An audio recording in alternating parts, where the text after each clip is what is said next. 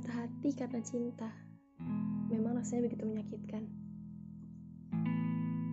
Tapi anehnya lagi, walaupun berkali-kali sakit, berkali-kali patah, manusia seolah-olah tidak pernah tahu rasa. Dia akan berusaha bangkit, berusaha berdiri, dan mencari cinta yang lainnya. Terus menerus mengalami siklus itu sampai mati. Dicintai, disakiti.